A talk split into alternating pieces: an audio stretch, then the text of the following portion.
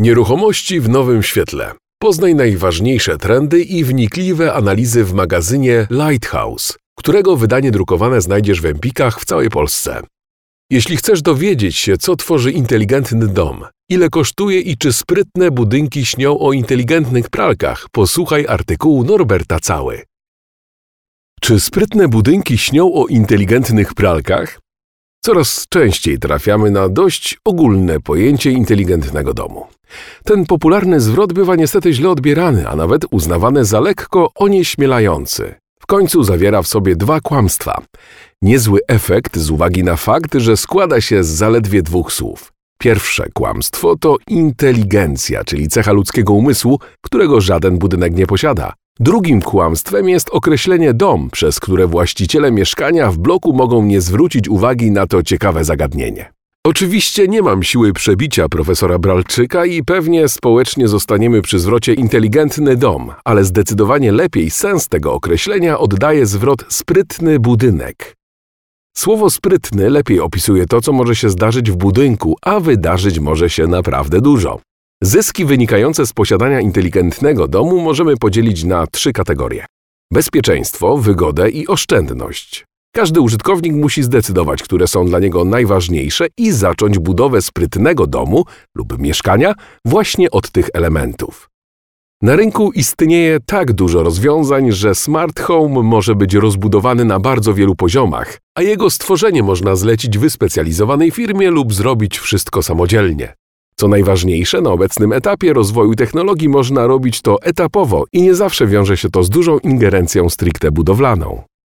Sterowanie oświetleniem. Zaczynając przygodę ze smart home, najczęściej myślimy o zastąpieniu oświetlenia takim, które możemy kontrolować zdalnie, np. przy użyciu telefonu lub sterowanym za pomocą czujników ruchu. To bardzo dobry kierunek, dodatkowo dość łatwy do wykonania. W rozwiązaniach możemy przebierać jak w ulęgałkach.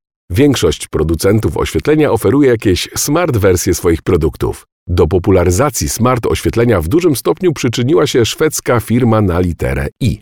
Przystępna cena ich systemu o nazwie nie do wymówienia dla przeciętnego Polaka sprawiła, że idea sprytnych budynków stała się bardzo popularna wśród zwykłych użytkowników.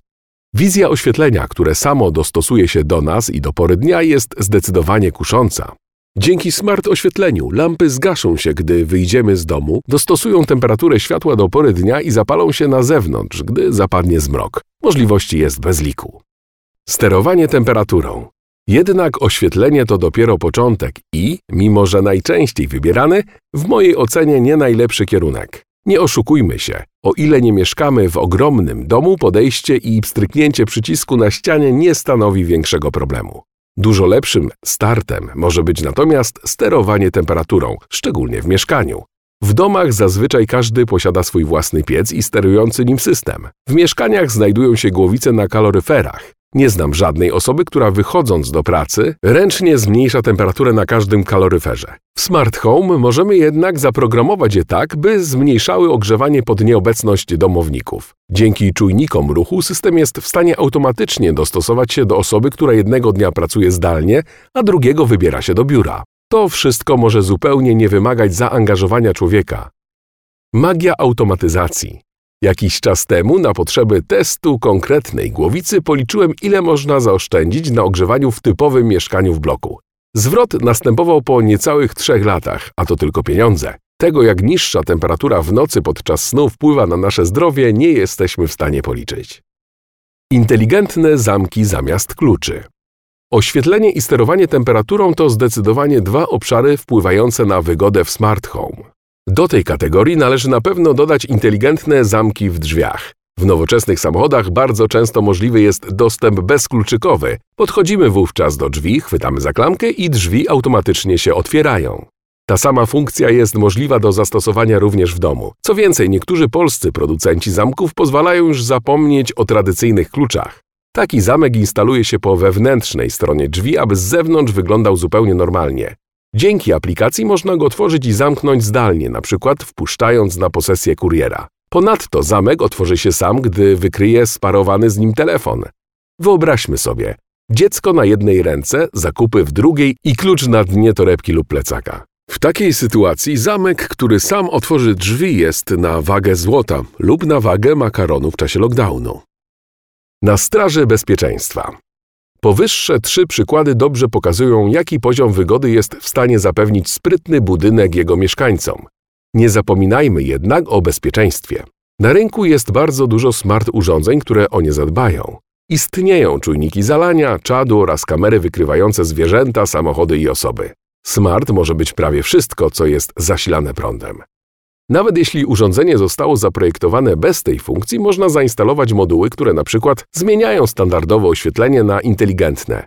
Magia sprytnego budynku kryje się jednak w integracji i automatyzacji. W końcu po co nam czujnik, który po wykryciu zalania mieszkania w żaden sposób na nie nie zareaguje? Integracja siłą Smart Home. W tym miejscu na scenę wkraczają platformy integrujące urządzenia różnych marek. Najpopularniejsze systemy to HomeKit, zgodny z urządzeniami Apple, iPhone'ami i iPadami oraz Z-Wave, który może być używany cross-platformowo, czyli również na telefonach z innymi systemami operacyjnymi. Dzięki nim możemy integralnie połączyć urządzenia różnych producentów. Po zamknięciu zamku firmy G wyłączyć światło firmy P oraz zmniejszyć temperaturę na termostacie firmy N. To jest właśnie siła smart rozwiązań. Integracja, integracja i jeszcze raz automatyzacja. Drugą najważniejszą zaletą Smart Home, wpisaną niejako w jego DNA, jest zdalny dostęp do wszystkich powiadomień. Użytkownik systemu może znajdować się poza domem, a i tak dostanie powiadomienie o wycieku wody, o osobie znajdującej się na posesji, a nawet o wykryciu zwierzęcia przez kamerę w ogródku.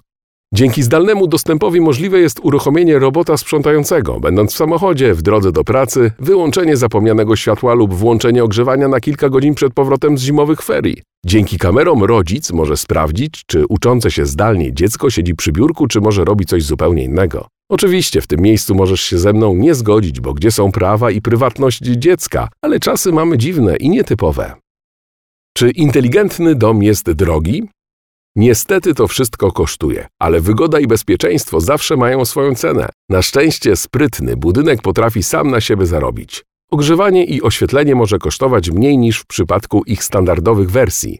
Współczesne systemy automatyki domowej można ponadto tworzyć etapami. Na przykład najpierw kupując oświetlenie, za jakiś czas rozbudować je o sterowanie roletami, a następnie ogrzewanie i zamki. Najlepiej zdecydować się na budowanie smart budynku na samym początku, czyli na etapie deweloperskim. Warto wtedy pomyśleć o przewodzie neutralnym do każdego punktu elektrycznego. Najważniejsze jest to, by nie zablokować sobie żadnych możliwości rozbudowy systemu przez pewnego rodzaju niedopatrzenie, czyli np. brak wspomnianego przewodu neutralnego. To z kolei miejsce na ofertę deweloperów. Widziałem już kilka ofert sprzedaży nieruchomości, w których podkreślano, że mieszkanie jest smart ready lub po prostu budynek jest inteligentny.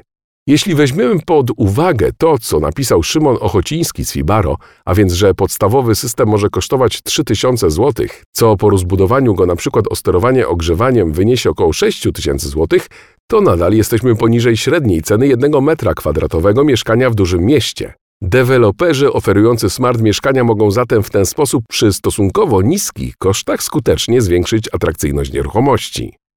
Mity o inteligentnych domach. Dziwię się, że fliperzy, którzy remontują i sprzedają okazyjnie kupione mieszkania, nie inwestują w smart rozwiązania. Myślę, że to się jednak szybko zmieni i stanie się standardem. Warto to zrobić już teraz i być choć odrobinę przed konkurencją. Rezygnacja z wprowadzenia inteligentnych systemów może być spowodowana obawą przed awaryjnością, podatnością na włamania hakerskie, utratą prywatności. Wszystkie z nich są oczywiście o tyleż zasadne, co możliwe do pominięcia na co dzień.